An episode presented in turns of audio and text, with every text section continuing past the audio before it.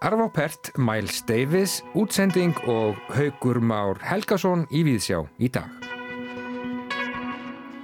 Við höldum í dag í heimsókn í miðstöð sem helguð er eistnæska tónskallinu Arvó Pert og leynist í skógi skamt utan við Tallinn, höfuborg Eistlands. Þar tók starfsfólk miðstöðarinnar og sonur tónskálsins á móti hópi Norræns og Baltnesks útvarsfólks í síðustu viku. Greint verður frá heimsókninni og miðstöðinni í þætti dagsins en hún er svo eina sinnar tegundar sem er helguð arfleið núlimandi tónskáls. Já og uh, meira um tónlistum þessa myndir þá eru 50 ár liðin frá útkomu hljómblötunar Bitches Brew með bandaríska trompetleikarunum Miles Davis. Platan var tekin upp í New York á svo sem eins og þremur dögum í ágústmánuði árið 1969. Markaði tímamót á Ferli Davis og raunar í gjörvallri sögu jazz tónlistar. Miles og félagar fóru í nýjar og óvæntar áttir á þessari plötu blönduðu saman til raunakendri jazz tónlist, rocki og síkateljus og nokkuð sé nefnt. Mikill segður þessi plata 94 mínútur af spuna á, já, tveimur hljómplötum raunar. Tónlistamæðurinn Eithor Gunnarsson hann heimsækir við sjá í dag og rifjar upp með hlustendum þetta tímamóta verk. Bókvíkunar á ráseitt að þessu sinni er skáltsagan Ó um þegn rétt tegundana í íslenskri náttúru eftir Haug Má Helgason. Hlustendur heyra í Haugi Má í þættinum í dag. Og leikúsrýni verður á sínum stað Snæbjörn Brynjarsson fjallar í dag um verkið útsendingu eftir Lee Hall sem þjóðleikúsið frumsýndi nú fyrir helgina. Verkum, já, átökinnan fjölmiðla heimsins og vald fjölmiðla og um, hefur slegið í gegn bæði í Lundunum og um New York. Verk sem byggir á frægri bandarískri bíómynd Network frá árunnu 1976. Já, en við byrjum nákvæmlega svona í dag og ekki að ástæðalösu.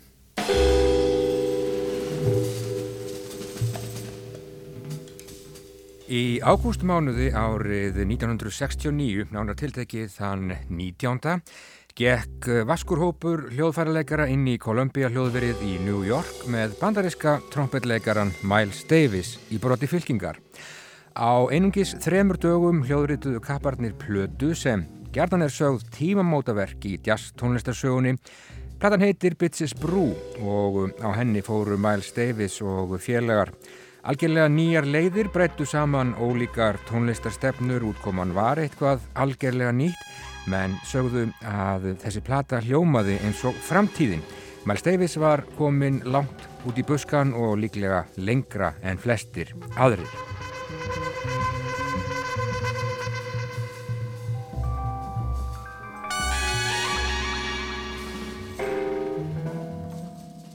Miles hafði á sínum tíma ekki fullmótaður hugmyndir um það hvað hann vildi nákvæmlega gera í Kolumbíja hljóðverinu í ágúst árið 1969.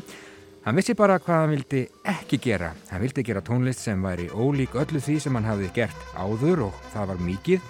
Hann vildi með öðrum orðum alls ekki endurtaka sig.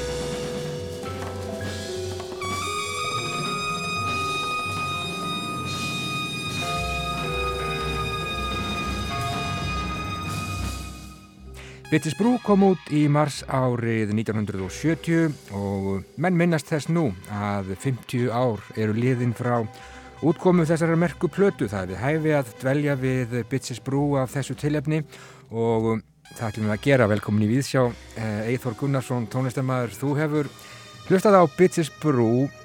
Já, hvað er þessi plata fyrir þér? Hver, hver þreymillin er þetta eiginlega? Ég veit að ég, ég hérna er nú aðeins yngre en svo að, þessi, að ég sé svona verði fyrir áhrifumanni þegar hún kemur út. Já. Það er ekki fyrir en ég fer sjálfur að, að fikra mig tilbaka sko.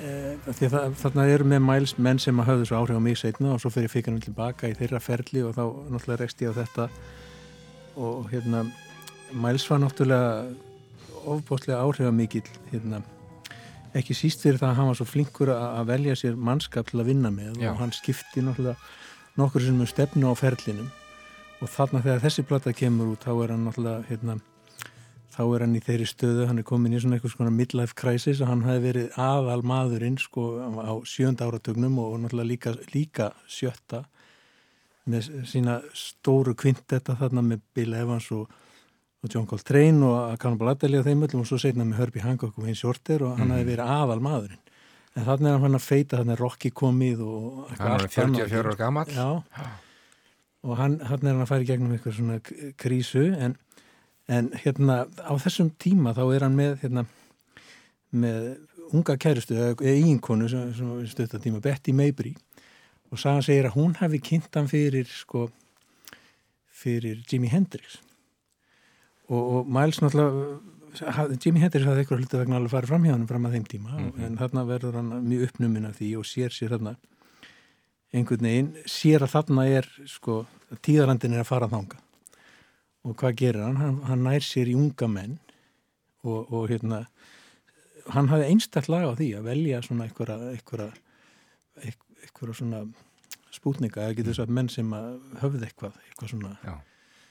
eitthvað galdur og það var einn af hans stóru hæfileiku, hann var að setja saman bönd og gefa mönnum svo mátulega frítt spil til þess að hérna það gerist eitthvað galdur. Og hann hafði þennan leitt á hæfileika sko eitthvað neina raðin saman og leggja svo línundar eitthvað neina þannig að það gerist eitthvað. Og þarna gerist þetta, þetta er einlega, þessi plata kölluð einlega svona þó hann hafi reynda gert plötu áður, ári áður eða hálfa ári áður sem að hérna Silent Way sem að var sko hérna er eiginlega, finnst mér betri plata. Mm. en það, þessi plata einhver hluta vegna slæsunar ræki líka og þannig er hann að bræða saman uh, rockið og rámasljóðfærin og, og svo þess að þetta improvisera element og jazzin og text einhvern veginn að því að jazzin var svona svolítið bara orðin svolítið púko Já, einmitt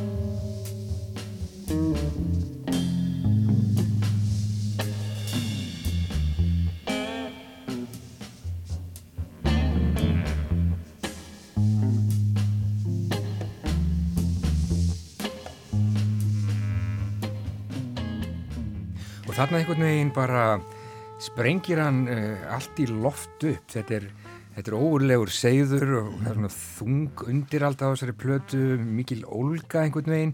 Þarna blandar hann saman jazz, tilrauna jazzi og fúsjón og funky og öll saman. Já, fúsjón, uh, fúsjón alltaf það er ekki, það verður til, þetta, þetta er einlega upphafið af því. Já, kalla, já, já, já, hann er með sko, hérna, jú, hann er að gera tilraunum með þetta, hvernig, hann í raun og veru setur saman þetta band með sér yngri munnum og, og lætur þá spila svona á ramasljóðfærin eitthvað í, í anda við það sem að var að gerast í rockheiminum á þessum tíma og, og, hérna, en þeir eru samt allir jazzmenn sko.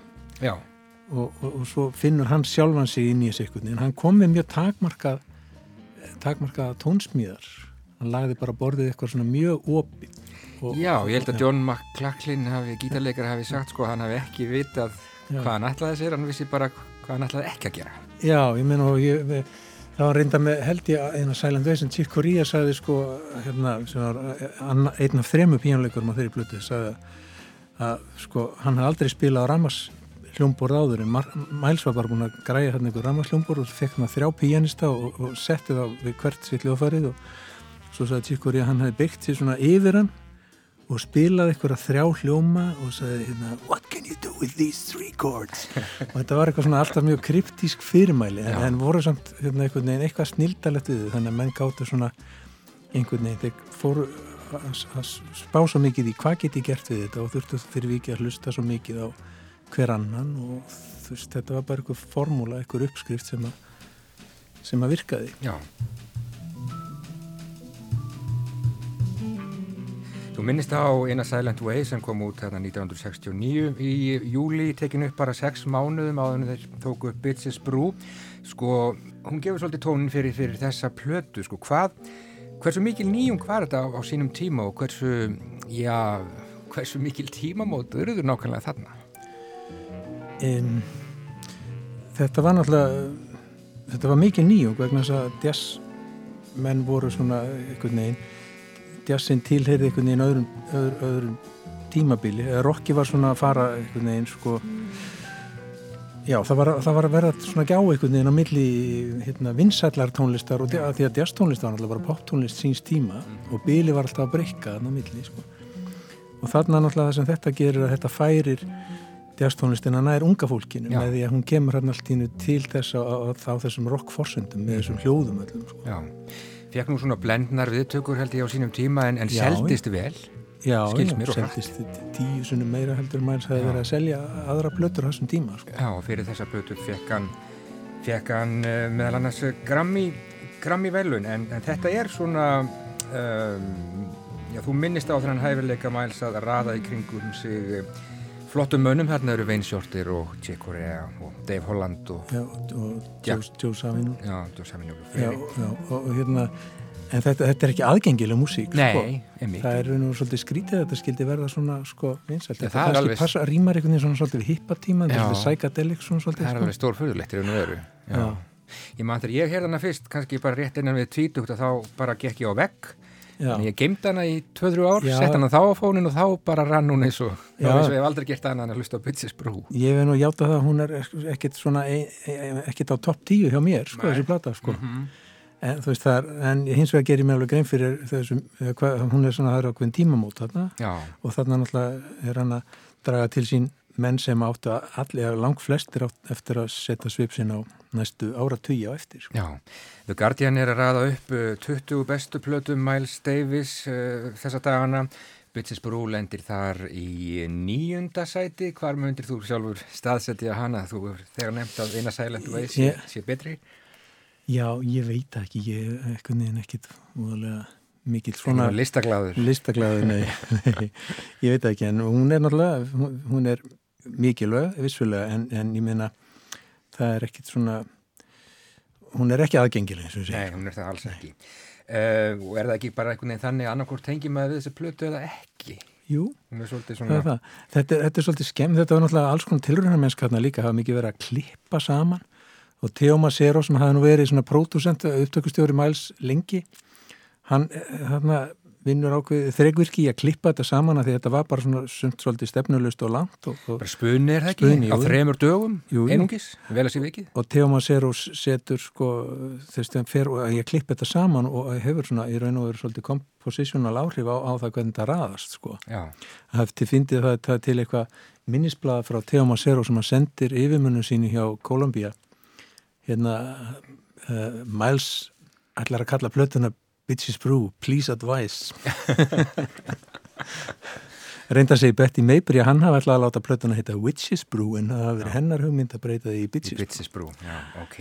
Hversu hérna, Eithor Gunnarsson, hversu já, hversu fersk er þessi plata þínu mati þessum 50 árum, árum síðar? Já. Setur hann á fónin? Ég gerði það ekki, ekki oft sko en það, það, fyrir allt mörgum árum síðan þá spiluðum við svona ég og Hilmar Jensson og Guðni Finnsson og Ólaf Björn Ólafsson hérna. Og hvað, ég man ekki hverja var fleiri, Óskar Guðjónsson sennilega, við spilum eitthvað svona tribbjótt tónleika með þessu. Já, einmitt. Já, það er orðin allmörg átt síðan. Já, já. Ég, seg, ég, ég hlusta nú ekki mjög ofta á þetta en ég, ég veit að þessar blötu og minna að þetta er alveg svona hipp og cool en maður hlustar á þetta í dag og maður, þú veist, það er margt í þessum sándi og þessu grúfi sem að rýmar bara ágæðlega við, við daginn í dag, svona hiphopið og svona sko. Já, einmitt, talar talar alveg inn í, inn í það einhvern veginn. Já. Já, um, já Bitches Brú, það eru 50 ár liðin síðan að hún kom út, hún kom út í mars árið 1970 og já, við getum nú allavega verið sammála um það, eithóra að já, þetta var og er tímamóta plata. Já. Já, algjörlega. Ég segi bara takk fyrir komuna í Víðsjá Eithór Gunnarsson og já, hefur ekki bara hlusta. Jú. Takk.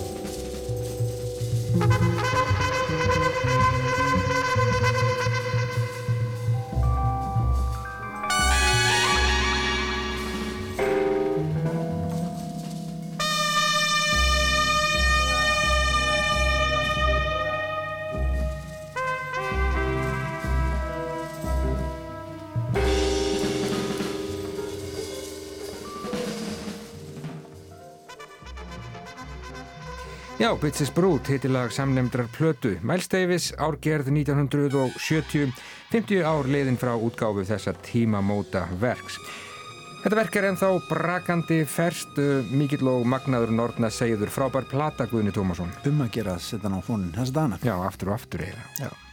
En þá í leikús, þjóðleikúsið frumsýndi á förstu dag útsendingu í leikstjórn Guðjón Stafis Karlssonar. Þetta verk eftir Lee Hall byggt á kvikmyndahandriti eftir Patti Tjæfski. Bandarsku kvikmyndinni Network frá árunni 1976 sem Sidney Lumet leikstýrði og varð heimsræk. Snæbjörn Brynjarsson er búin að sjá leikritið. Þjóðleikhúsið sínir tvær leikirðir eftir leikskáldið Lee Hall þetta leikár. Lee Hall er okkur íslendingum kannski helst kunnur fyrir Billy Elliot sem sló í gegn í borgarleikhúsinu fyrir nokkrum árum en kannski hugsaði Ari Mattiasson þáverandi þjóðleikhússtjóri með sér þegar hann sá miðasölu tölur að leikirði Lee Hall upp úr þekktum kvikmyndum yrðu gullnáma. Nú hef ég áður fjallað um Shakespeare verður ástofangin sem sínt var á stóra sviði þjóðleikhúsins sem Lee Hall skrifaði leikgerð upp úr fyrir West End en nú er komið að útsendingu sem byggir á kvikmyndinni Network frá árunnu 1976 sem þetta sama leikskald snaraði á svið fyrir Breska þjóðleikhúsið og hefur nú ratað á stóra svið hins íslenska. Það er í sjálfu sér ekkert að því að setja upp leiksýningar sem byggjast á klassískum kvikmyndum þótt uh, sviðsupsfæslan standist kvikmyndinni sjaldan snúning en leikústjórar verða gæta hófs. Kanski var nóg að setja upp einræðisæran eftir Charlie Chaplin. Auðvitað selur nostalgíja leikúsmiða en leikúsið við hverfiskötu heitir ekki nostalgíu leikúsið heldur þjóðleikúsið og kannski ætti það frekar að setja upp fleiri ný íslensk verk eða fleiri klassísk íslensk verk eða ég vil bara klassísk verk frekar en leikgerðir upp úr bandarískum bíómyndum. En Network er eins og áðursæði mynd frá 1976 og er af sumum talin meðal bestu kvikmyndahandrita sem skrifuð hafa verið. Leikgerð Lee Hall er nokkuð trú handriti Patti Tjæjevskis og þýðing Kristjáns Þórðar Hrapssonar ágætt. Titillin er til að mynda skemmtilegur Í leikúsinu erum við í betni útsendingu en í árdaga sjómarpsins var svo litið á að sámiðill ætti meira skiltu leikúsið en kvikmyndina sem er kannski nokkur rétt. Í það minsta verða sætaraðir þjóðleikúsins að sjómars áhörunda sal á snuðulösan máta. Guðjón Davíð Karlsson er leikstjóri síningarinnar, Egil Edvarsson sá um leikmynd, Helga í Stefansdóttur um búningana sem allir voru í stíl 8. áratugurins Tónlistina annaðist Edvard Eilsson og um myndbund og grafík sem líku stóran þátt sá Ólöf Erla Einarstóttir. Leikritiði líkt og kvikmyndin segir frá Howard Beale, frettaþul og ekli sem er rekin úr starfið sínu vegna slæms áhorfs og er vægast sagt tæpur andlega. Í því sem á að vera síðasta útsending Bíls hótar hann sjálfsmorði í bytni og svo loks þegar hann fær tækifæri til að draga hótunina tilbaka og hveðja með reist fer hann með eldræðu um hnignun samfélagsins. Í fyrstu er samstarfsfólk hans nexlað en þegar áhorfstölu skila sér inn breytist hljóðið í yfirmönnum og framleiðendum og innan skemsir Howard kom með heilan þátt þar sem hann fær að predika að vild og jafnvel öskra af reyði. Howard er greinilega andlega vanhill en þráir að vera í sjónvarpunum og fjölmiðla samsteipan er reyðubúin að nýta sér þennan veika einstakling svo lengi sem það skilar áhörfi. Ein af stóru siðfyrir spurningum síningarinnar er því, er allt leifilegt fyrir áhorf. Ef verið væri að skrifa þetta verk í dag væri sögursviðið kannski VF fjölmiðil sem er til í að krytta frettir duglega til að fá smelli eða kannski deildinnan starri samfélagsmiðla samsteipu sem er reyðubúin að gera hvað sem er til að halda fólki límtu við símaskjái og sapna lækum.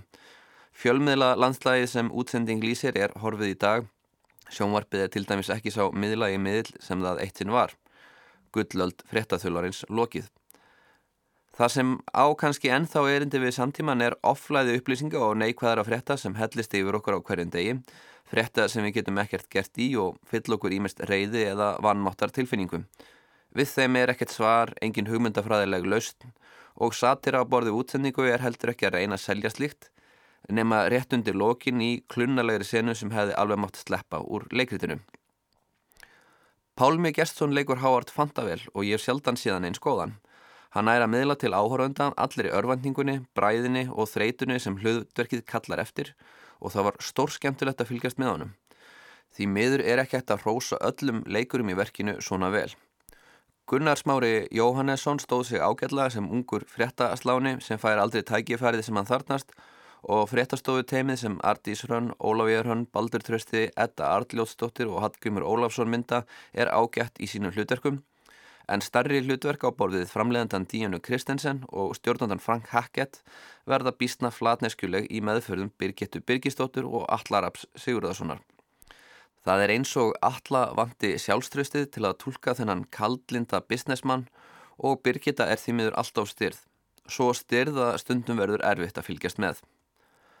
Sviðsetningin er á köplum hugmyndarík og skemmtileg. Skjátækni og myndavillar eru nýttar til að sína okkur atbörðarásina frá fleiri sjónarhóttnum og það skila sér skemmtilega í senum á borði þær þegar Birgitta og Þröstulegu rölda saman utan sviðs í fyllt myndavillana og líka þegar Arnari Jónssoni breðu fyrir í hlutverki fórstjórars Artur Jensens en hann og Pálmi áttu saman engar góða senum.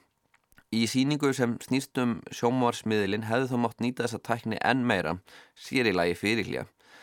En það er sjarmi í skíturi sviðsmyndinni og síkareturreikurinn er góð viðbót sem setur mann í fíling. Því er ekki auðsvarað hvernig komist var að þeir niðurstuða kveikmyndin Network frá 1976 ætti erindi við áhörundu þjóðleikúsins árið 2020. Kanski hefði verki verið meira spennandi rétt eftir árið 1986 þegar samkeppnislaugmál voru nýbyrjuð að leika eitthvað hlutverk í íslensku sjónvarpi. Kanski hefði kveikmyndin Social Network verið garátt erindi í ögnablikinu fyrir þjóð sem er yfir 90% á einhverjum samfélagsmiðli og einungi sjómasviðbyrðir á borðu skaupið eða úslita kvöld Eurovision hafa eitthvað miðlagt hlutverk. Eða jafnvel bara heimildaleghús um veröld áhrifavalda og upplýsingasöfnun á netinu. En þó svo síningin var ekki alveg í takt við tíðrandan stóðu nostalgíuleikhúsið við hverfiskötu við sitt gagvart áskrifundum og skilaði af sér góðri sögu, stundum frábæla, stundum ítla þannig að útkoman varð miðlungs uppfæsla með nokkrum eftirminnilegum atriðum saði Snæbjörn Brynjarsson um útsendingu, verk sem var frumsýnt í þjólkusnu nú á fastudag. En bókvikunar hér á ráseitt að þessu sinni er skáltsagan Ó um þegnrétt tegundana í íslenskri náttúru eftir Haug Má Helgason. Þessi bók kom út á síðasta ári skáltsaga úr íslenskum samtíma og já, eiginlega náttúru sögu.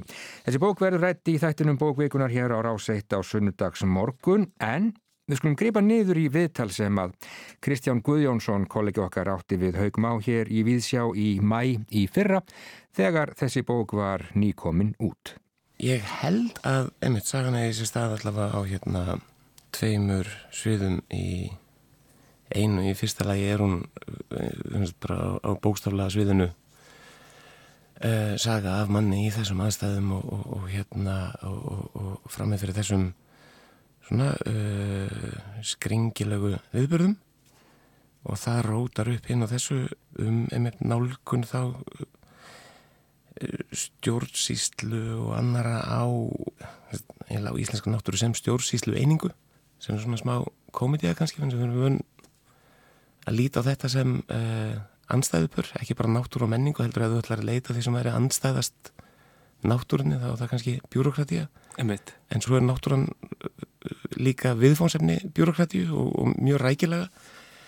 Þannig að það er hérna svona, svona sagan er, er, er jafnvel hérna að mest að gerast sko akkurat þar. En auðvitað er síðan einhver allegóri að þannig líka eh, svona allavega í ákveðnum atriðum.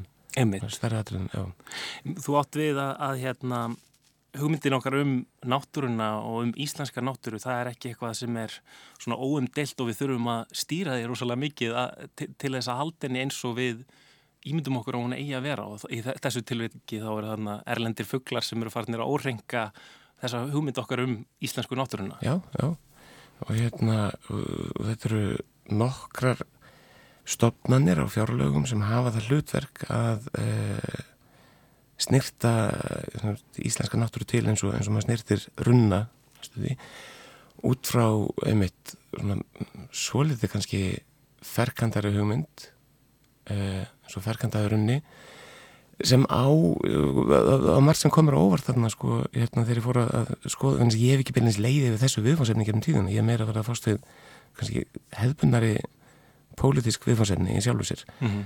en, en hérna en núna margar góðar ástæður til að velta fyrir sér bara hvaða hugmyndum um náttúru við fáumst við og ræktum og, og, og, og berjumst fyrir jáfnvel þess vegna. Og hér hefur það leiðið rosalega mikið hérna í loftinu. Þegar er rætt um náttúru þá kemur þetta íslenska fórskiti íslensk náttúru mm -hmm, ég heyri þetta ekki mikið á öðrum málum. Það heyri ekki mikið American Nature. Það, nema þá verður þetta að tala um kannski sko eðli bandarskra persóna eða samfélags. Mm -hmm. en, en, en hérna uh, þetta er svolítið forvinnilegt ástand ákveð hérna og, og, og, og það hugtak verðist styðja við ákveðna stýringu sem að á, sem miðar við sko það sem Bjarni og Egert Ólafsson fundu á landinu 1750 að þá vinna semst, íslenski lífræðingar eftir því viðmiði og það verður svona lína sem er dreyinisandin að það er tegundur sem fundust hér 1750 þær eru native, þær eru uh, sagt, uh, íslenskar en þær tegundir sem voru ekki hér þá en finnast setna eru uh, framandi í náttúrunni.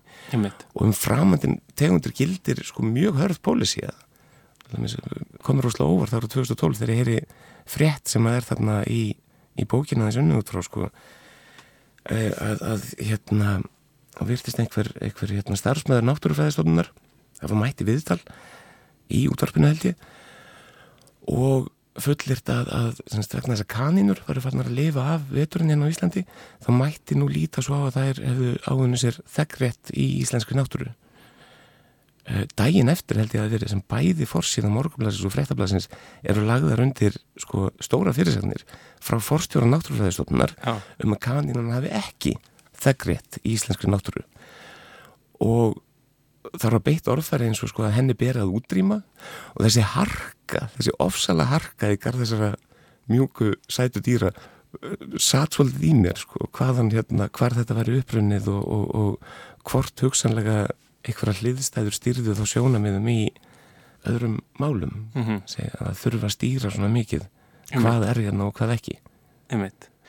Þetta er mjög áhært að því að líka einhvern veginn í dag þá, þá er þetta kannski í rauninni mjög þetta er mjög, þetta er spurning sem margir er að fást við. Við, við erum að tala um náttúru vernd og, og, og, og mikil baróta fyrir verndun náttúrunnar og þá er spurningin hvað, hvað er þessi náttúra náttúrulega mikilvæg sko. um, en aðalpersonin í þessari bók hann er, hann er hérna, hefur áhuga á, á því allra smæsta, hann er örveru fræðingur og það kannski gefur honum svona víðara sjónarhortn á, á þessar spurningar, hann talar einhvers staðar um að, að, að mennirnir eða bara all dýrin og allir, allir fjölfrúmungar, allir heilkjörnungar séu bara svona svolítið hliðarskref í sögu örverana. Já, það er stóra samingið. Já, það er stóra samingið og, og, og eftir þannig þetta er svo rosalega vítt svið og það er alveg hérna uh, maður gerir ekki þó ég hef unnið að bókinu og hríð og rétt klóra maður í yfirborðað á stórkoslegum uppgötunum sem er búið að gera á, á, á síðustu árum og áratugum einn er þessi að, að hérna svona í þróunasögu lífsins þá lítur út fyrir í dag að við öll hérna við, við ein, heilkjörnungarnir við, fjölfrumungarnir séum uh, eiginlega dítill í sögu örfura sem að, að búa að miklu meiri erðafræðilegum fjölbreytileika. Og það er markvallt meiri erðafræðilegur fjölbreytileiki í sko bakteríunum í þínum eigin skrokki en í mannkinu öllu miklu fjölskrúður að DNA sem þú burðast með dag frá degi hérna, sem er þetta ekki þú og, og það er bara dýrðilegar sko, dýrðilegir heimar sem opnast þarna sem er að, að vinna úr á ótalvegu. Fyrir mér þarna við einmitt mótum þessa karakters og þessa sögu þá var þetta gagleitt upp að bara fá svona einmitt skref út fyrir náttúruna eins og við skiljum hana frá deildags og koma svolítið aftan að húttakinu mm -hmm. Einmitt Þetta er áhagvert, um, mér langar að nefna þess líka formið á þessari uh, sögu. Um, þú ert heimsbyggi mentaður og, og hefur starfað sem bladamæður og þetta form, þetta er, þetta er eiginlega samtalsform en þetta er yfirheysla og þetta er náttúrulega þekkt úr, úr sögu heimsbygginar, er, er, er samræðan svona hefð síkilda form þar sem hugmyndir eru setta fram og, og bladamenn kannast náttúrulega þetta að hvernig maður á að setja upp setja upp viðtöl sem maður tekur með spurning og svari hérna, en þetta er yfirhæsla hjá lauruglunni, hvað hérna af hverju langaði það að vinna með þetta form?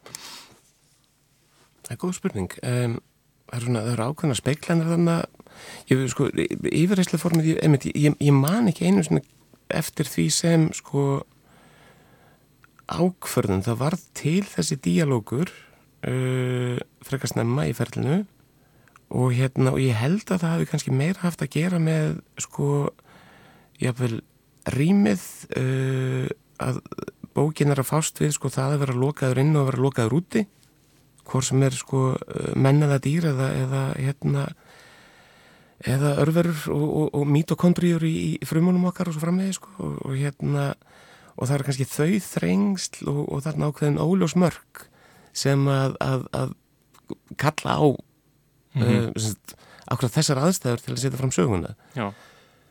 Síðan gerist það einhverjum tímapunktu ég er búin að skrifa helling af texta sem að er sko einmitt spurning svar, spurning svar og, og hérna og sé fyrir mér að það sé í rauninni draft og ég sé að fara að vinna hefðbunari sko prósa upp úr því.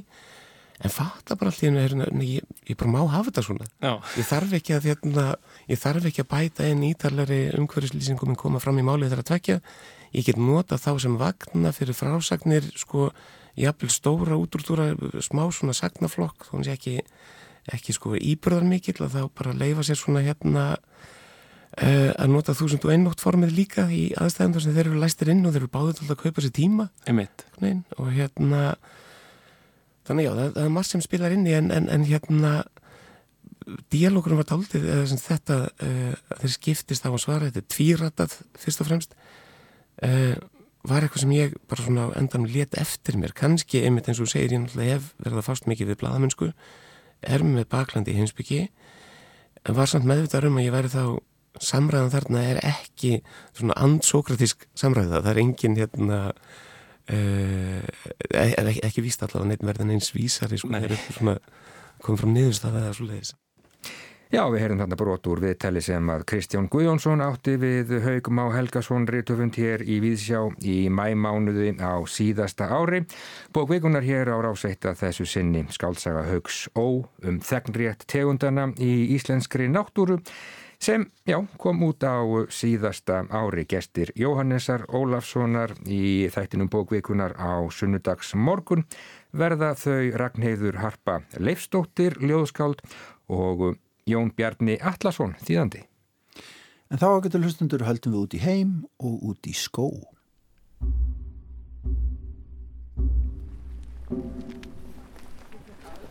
Miðveikudagur í síðustu viku.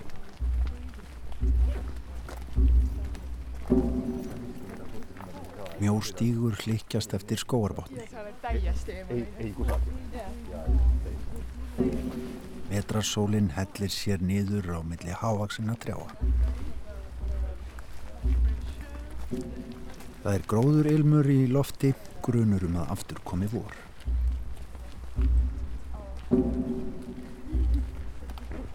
Við erum á ferðinni í eistnaskum skógi og erum hér í för með útvarsfólki frá Norðurlandum og Ístrasalslöndunum og leiðin liggur hér eftir förum stíg í skólendinu að miðstöð sem að tilenguður eistneska tónskaldinu Arvo Pert hér verður tekið að móta okkur. Í byggingu sem er mjög sérstök hún er eiginlega ringlaga það er engin hotn á henni. Og blasir hér við framöndan sem að forvittnast aðeins um þessa miðstöð sem er tilenguð þessu aldna eistneska tónskáldi hann er orðin 83-4 ára gammal Arvo Pert og mikilvægur í tónlistalífi eista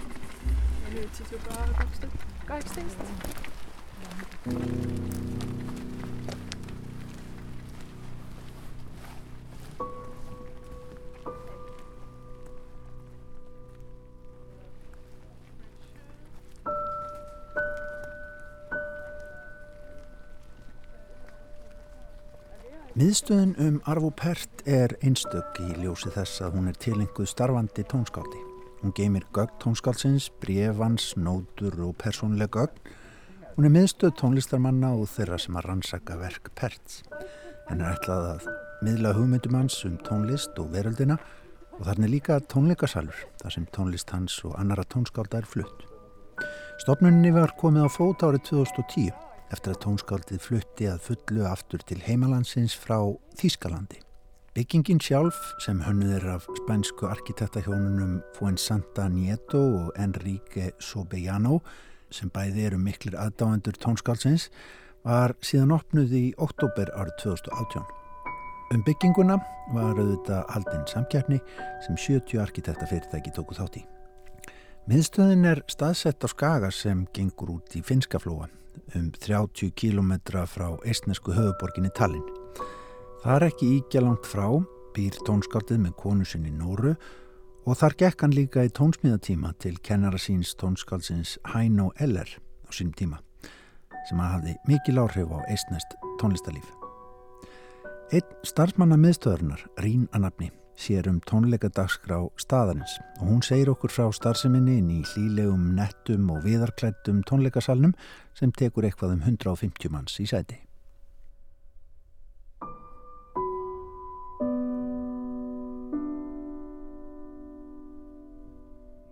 This house is, is quite new for all of us uh, and the fact that we have a public house to make it possible for people to come and study more deeply about Arvo Pärt's work and, and about his archive is anyway still something that we kind of try to get used to because it is now only 10 years from the time when Arvo Pärt's family Þetta er allt nýtt fyrir okkur. Byggingin er ný og hugmyndin með slíkri miðstöð er í raun nýstáleg, segir Rín. Ár Arvós Pert í Þýskalandi voru engar gjöful en þangað hafðan haldið með fjölskylduna árið 1980 eftir reytskoðunar tilburði og gaggríni frá sovjeskum pótintátum sem að vösuðust í menningu og tónlist eins og öllu öðru í Íslandi á þeim tíma. Gagnasafnið er gríðarlegt, Þýsk yfirvöld buðust á sínum tíma til að taka gögnin að sér en tónskáldi sjálft lifir í nánu sambandi við fyrri verk, vildi ekki læsa efnið inni heldur opna aðgangaði í heimalandinu. Gögnin sem að fjölskyttan flutti með aftur til Íslands árið 2010 voru um fjögur tonn af þyngd. Það auðveldaði verkið að Nóra, eiginkona tónskáldsins, er tónlistafræðingur og hafði haldið vel utanum gagnin. Which meant four tons of things and materials and, and uh, papers and files and everything. But uh, considering the fact that uh, Nora Bert, Arvo's wife, uh, is a musicologist and she had focused her entire life uh, to Arvo, uh, everything was already very organized. So it wasn't a pile, pile of papers which we started to work with.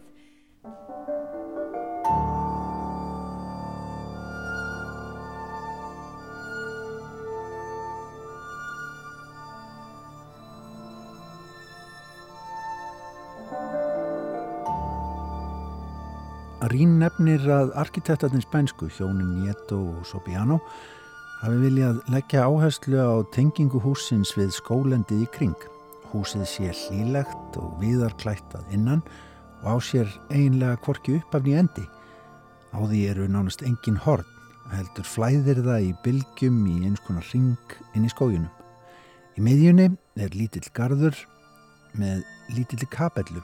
Stöpplar í kringum húsið sjálft í nánu samhengi við skógin eru hugsaðir þannig að rithmi þeirra og rými á millið þeirra er fengið úr einu tónverka perts, Tabula Rasa. And the authors of this house now are from Spain. And uh, the keywords that they had in mind were of course uh, uh, connection with nature, uh, also the materials would be mainly from nature. And uh, when you walk around in the house then you can feel that it's kind of flowing. There is no direct beginning or end and there's almost no corners uh, so this is one of the musical connections and also these pillars around the house but also they have kind of mentioned that they have taken the rhythm of these pillars all around the house from Tabula Rasa's core mm-hmm. so they also named the house Tabula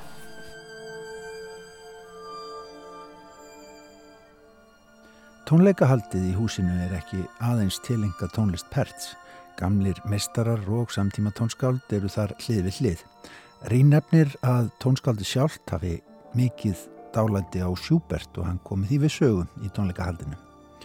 Tónleikarnir eru aðeins um tveir á mánuðið að svo, alltaf vel sóttir, en tónleikahaldinu er stilt í hóf til að viðhalda innri ró staðarins sem að umvefur mannjú á þessum stað. Tónskaldið er líka hóvarmaður og vil endilega að önnur tónskald séu fluttar. Jafnvægið þarf að vera rétt.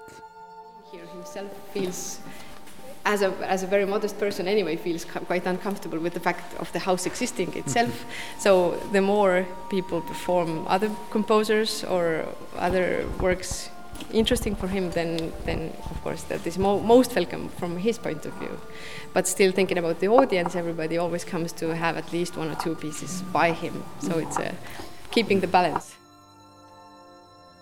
Og svo opnast allt í unnu hörð og þessi hóværi, brósmildi, fullorni maður, kveikur í reyfingum, arf og pert, kemur skindilega fram úr einu herbyggina. Og við vissum ekki eins og hann væri sjálfur í húsinu. Hästi, me käisime tornis praegu. oi, kas me ka saame? Tsufus. jalgsi peab minema Schwindel. meil on ajakirjanikud. ajakirjanikud. naabrite juures. naabrite juures? Neighbors. Tere, kallis.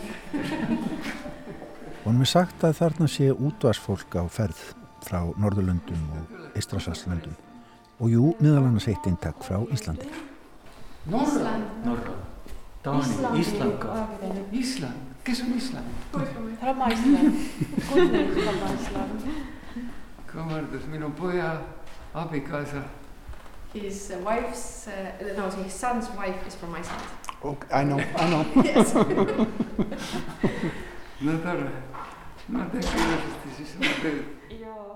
Já, Mikael Pert, annar tveggja svona Arvós, er giftur íslenskri konu og hann segir okkur nánar frá hugmyndunum bak við miðstöðuna.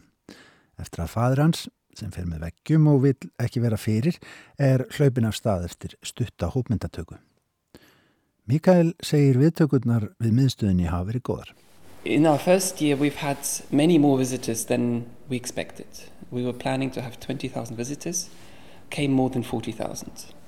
Um, so it's a very positive response. Uh, and not just visitors who come to just visit, but also researchers, which is really important for us. So from the from the academic side, we've had people from from South America, from from Australia, from, from Europe, from America, from from many places. So it's very exciting to to nurture these these needs and possibilities. Við byggumst við um 20.000 gestum fyrsta árið en þeir eruðu ríflega tvöfalt fleiri, segir Mikael Pert. Auðvitað voru eistar í meirluta fyrsta árið en við höfum líka fengið gesti hinga frá öllum heimsornum og það sem meira er þá hafa hingað komið rannsakendur frá ýmsum löndum líka og það er mikilvægt að rækta þann hluta starfseminar. En með auknum fjölda kemur luxusvandamálið að velta fyrir sér hvernig þögnin hætti á svona stað ef að gestirnir eru of margir. Þögnin er jú mikilvægur þáttur í upplifun staðarins og hana þurfið að venda, ekki síst yfir sumarmánuðina. Uh, at what point does the silence uh, cease to be silence? Which is what we wanted to cultivate in here. Yeah. So, by overpopulating this building, it goes against that. Uh, sometimes we felt that we have to maybe control this a little bit. Um, but again, we see this as a positive challenge Um, Mikael bendur á að tengsl milli áhuga á arkitektur og tónlist séu oft nokkur. Hugmyndin með þessum stað sé svo að maður heyri fyrir sér og upplifi tónlistina en átti sér líka á mikilvægi þagnarinnar þegar að henni kemur.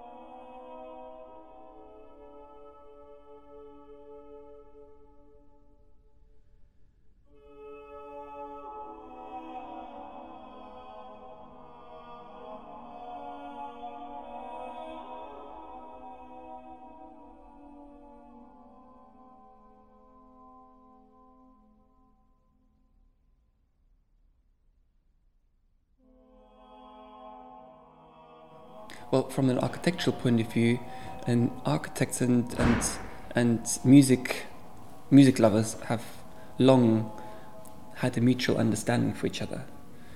Uh, so there is something in the architecture, just like we would like to preserve maybe something or let the silence ring that you know in, in the noise of, of today's world you never get to hear the silence. So just the, the journey here to Laulasma. All the steps and then from, from you step out of, of your vehicle bus car whatever and then you still go through the forest and then by the time you you, you enter we hope that everybody's receptacles are open to take in the silence. Bara ferðin á skagan þar sem miðstöðun stendur hvernig fólk fer úr bílnum og gengur í ró að húsinu undustrykar þessa leit líka. Það er erfitt að nálgast þögn, segir hann, um leiðu eitthvert óskilgreint tæki, kannski reiksúa, fer í gangi einu herbyggjana í kringum okkur. Silence is very difficult to achieve. um, uh, no, you can't control that. It's uncontrollable. Merking staðarvalsins er mikil. Við getum vel sagt að foreldra mínir búi í þessum skógi en hús þeirra stendur hér ekki langt frá, segir Mikael. We could say they live in this forest and uh, this wouldn't be without them taking an extremely active part in, in the deepest level of the meaning of what we do here. So being close to where they are means that there is this inner connection um, and that's kind of based the main basis. Why they are here is partly to do with the fact that the Fóreldrar mínir taka ríkan þátt í öllu starf okkar hér. En þau eru hér meðal annars vegna þess að hér átti tónskóldið Hæn og Eller, tónsmíðakennari föðumins, sumarhús, ángað sem að nefnendur hans komu. Og nafnstaðarins þar sem byggingin stendur í skóginum, nafn Tangans, Lalasma, þýðir land söngsins. Hér er eitt þorp kent við hljóðin og skóurinn sjálfur er kentur við bjöllur. Það rýmar vitanlega vel við bjöllu tónsmíðatakni föðumins, Tintinabúli stílin sem svo er kallaður. Þetta tengist í allt vel og fallega.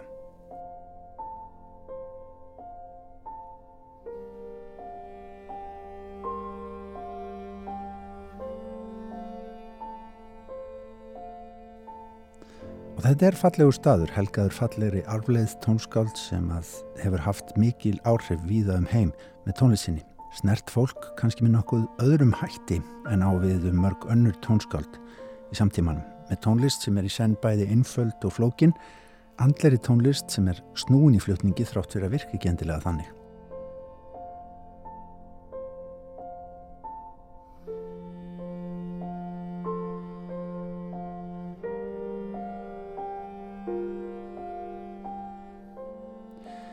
Á röldi út í rútu eftir heimsóknuna ræði ég við Ivo Hænló, tónlistar útdagsmann hjá eistneska útvarpinu, um mikilvægi perts fyrir eistnesku þjóðina. Well, I think that Arvo Pärt is well known by everybody in Estonia. the interesting thing is that he has sort of become an institution. Yes. And also the fact that they established this Arvo Pärt Center here shows uh, the scope of of what's, uh, what his work means to people everywhere. Allir hér í Íslandi þekkja nafn Arvós Pert, en það er hann heimstæktur. Hann er að einhverju leiti með stöðu stopnunar hér í menningalífinu og það sýnir bygging þessi vel sem byggð er og rekin er fyrir ofinbært fjö, rauk framlega úr ímsum áttum. Ívo bendur á að Arvó njóti nokkurar sérstöðu í tónlist Eistrasarstandana því að verkan séu jú svo innblásinn af trúarheimi Östurkirkjunar, rúsnesku réttrúnaðakirkjunar. Because his uh, work is so much based on or influenced by the the, the uh, re religious music and, and especially from the Russian Orthodox tra tradition. In that respect, there is no one really like him. All the other composers they write different kind of music, and uh, that's also why he has become so famous all around the world, I, I guess. Fyrir eisnest tónlistafólk er mikilvægt að tónskálda þessari stærðagráðu sé hér meðal fólksins. Ívo segist sjálfur hafa rekist á pert á kaffehúsi þar sem hann var að spjalla við kaffehúseigandan. Þetta sé þetta aldrei sérstakt að upplifa eða hugsaðir til þeirra áhrifa sem tónskaldið hafi haft á tónlist samtímans og hlustendu sína víða um heim. That he's a living composer mm -hmm. still amongst ourselves in flesh and blood. At the same time he is this huge, huge figure, worldwide figure. So there is a little bit of, of a conflict, if you know what I mean, uh -huh. between these two because we wouldn't imagine Mozart or Beethoven walking around uh, with us, like, yeah, yeah, with yeah. us in En við erum stolt af honum, segir útastmaðurinn Ivo Henglo. Þrátt fyrir tilfinninguna sem að sumir finna fyrir að Pertje nánast eins og helgur maður miðalvor, þá er hann jú bara venjulegur maður sem þrátt fyrir allt sitt hlutverk í tónlistasögu samtímans er líka með sínar hugsanir, þarfir, langanir og sérfiskur. Við erum bara óendanlega heppin að hafa hann hér heima við og fá að umgangast hann og tónlistina. People are people. Yeah. They, they are still humans. However big a role a composer or a writer or an artist plays in the world history, as Arvabert definitely does, mm -hmm. they are still flesh at, and blood. At the same time, people with their, you know, thoughts, their needs, their aspirations, and uh, and also their peculiarities. Yes. So, of course, it's uh, a little bit intimidating, but but at the same time, we are hugely lucky to to have Ar Arvabert, you know, staying now for many years in Estonia, yeah. and that we are able to have contact mm -hmm. with him in that sense.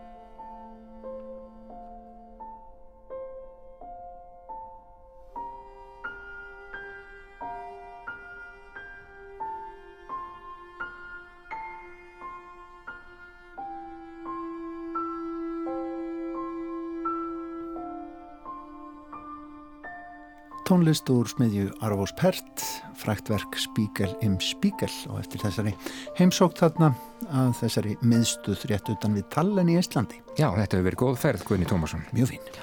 En við erum kominir á leðrenda í dag, verðum hér aftur á morgunlöst eftir klukkan fjögur. Verðið sæl. Verðið sæl.